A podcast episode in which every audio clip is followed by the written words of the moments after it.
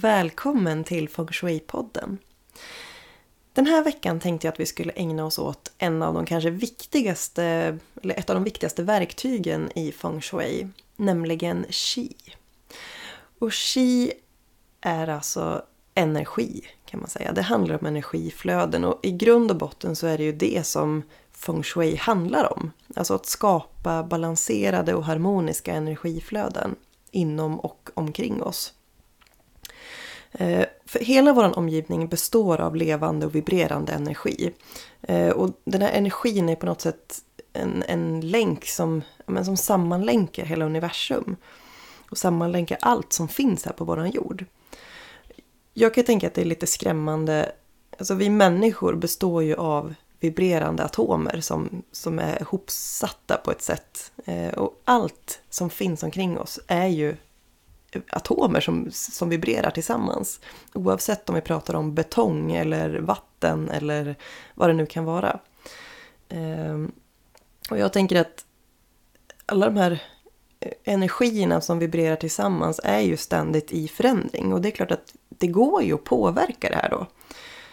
Och målet är ju någonstans att skapa en lugn och balanserad energi. Där kan man ju tänka att jämna och mjuka former, det hjälper ju oss att slappna av. Medan raka linjer, vassa kanter, det gör oss mer stressade och mer spända. Och jag tänker det här är ju något som sker på ett undermedvetet plan. Så att du behöver liksom inte vara medveten om saker och ting som hur det påverkar dig. Men det händer i din kropp. När du ser vassa hörn eller när du ser mjuka flödande ängar och natur och kullar. Eh, så, så sker det liksom saker inombords. Och chi är ju en flödande energi som följer former. Man kan tänka att det flyter fram lite som trögflytande sirap när det får vara i sin naturliga form. Och det påverkas ju av, alltså vi människor formar ju våran värld och det är klart att då följer chi med på något sätt. Så att på motorvägar så rusar chi fram. Alltså det är ju bara rakt och öppet och det finns ingenting som bromsar sig utan det bara, det får upp en jättehög hastighet på en sån plats. Medan en slingrande väg får ju även ski att slingra fram i, i en mer kanske behaglig hastighet. Och är det för slingrigt eller för mycket tvära kurvor liksom, då, då stagnerar ski. Det har svårt att ta sig fram när det är för, eh, för mycket kurvor. Och då blir den väldigt långsam. Man kan tänka att chi gör som vi gör. Eh, alltså har, har, du trånga passager hemma där du liksom får ja, men, dra in magen för att komma fram och förbi. Så, så får även chi svårt att ta sig fram på en sån plats.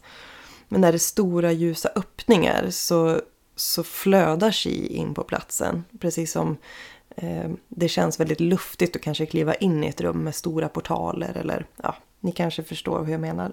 Och där är ju en, en öppen dörr lockar ju chi att kika in. Precis som, jag tänker om du går förbi någonstans där en dörr står öppen fast du ser kanske inte riktigt vad som finns där inne. Visst blir man lite nyfiken på att veta vad finns där bakom dörren.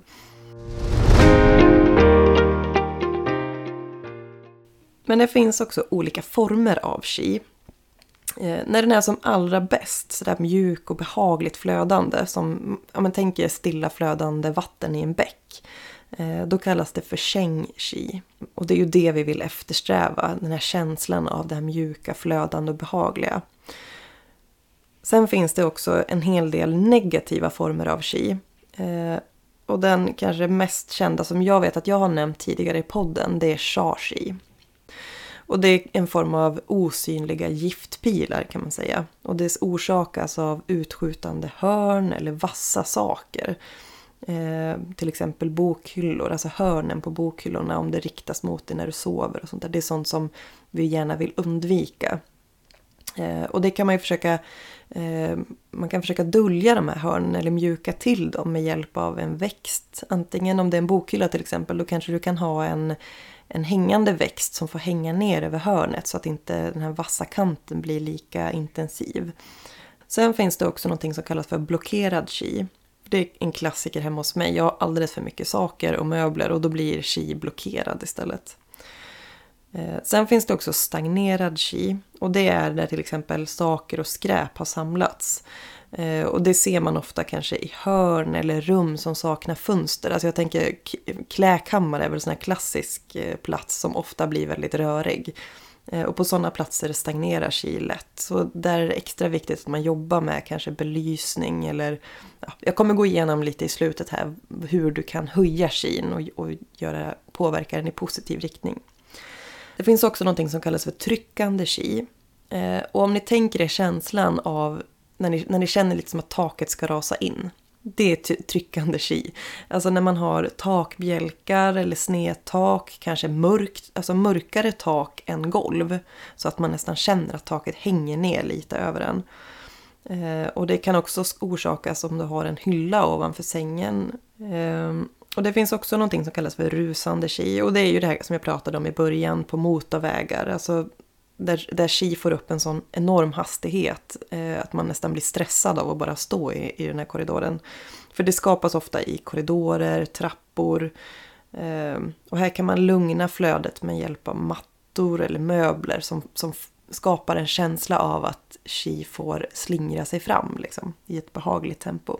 Och i trappor så kan det vara ett tips och om man har tavlor till exempel bredvid trappan så är det bra att hänga tavlorna rakt. Alltså så att de inte hänger stegvis och följer trappans form.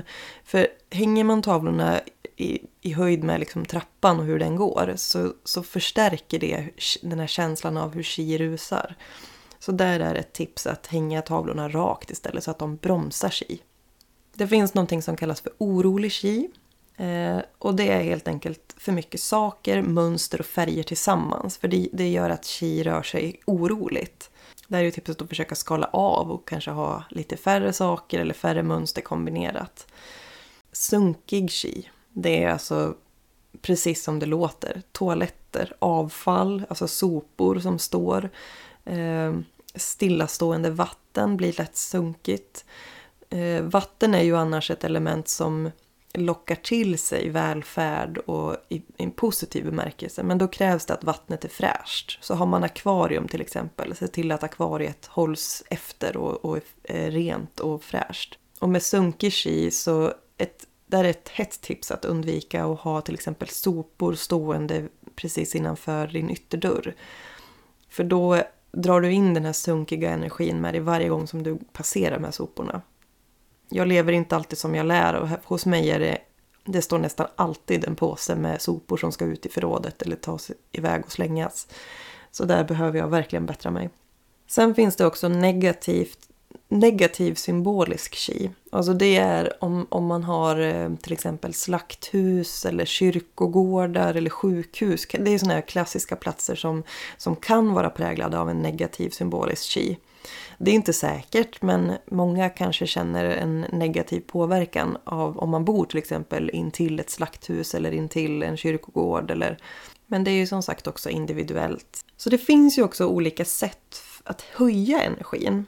Eh, och en energihöjare det kan vara till exempel ljus. Och då tänker jag både belysning och levande ljus. Eh, och belysning kan du leka med på olika sätt. Så att har du till exempel snedtak eller takbjälkar och upplever den här tryckande tjejen som jag pratade om. Då kan ett tips vara att ha belysning som lyser uppåt. För det hjälper chi att lyfta och minskar trycket från den här tryckande energin. Eh, du kan också använda dig av tavlor med motiv som, som hjälper chi uppåt. Jag tänker kanske ett växande träd till exempel på, som tavelmotiv höjer ju energin.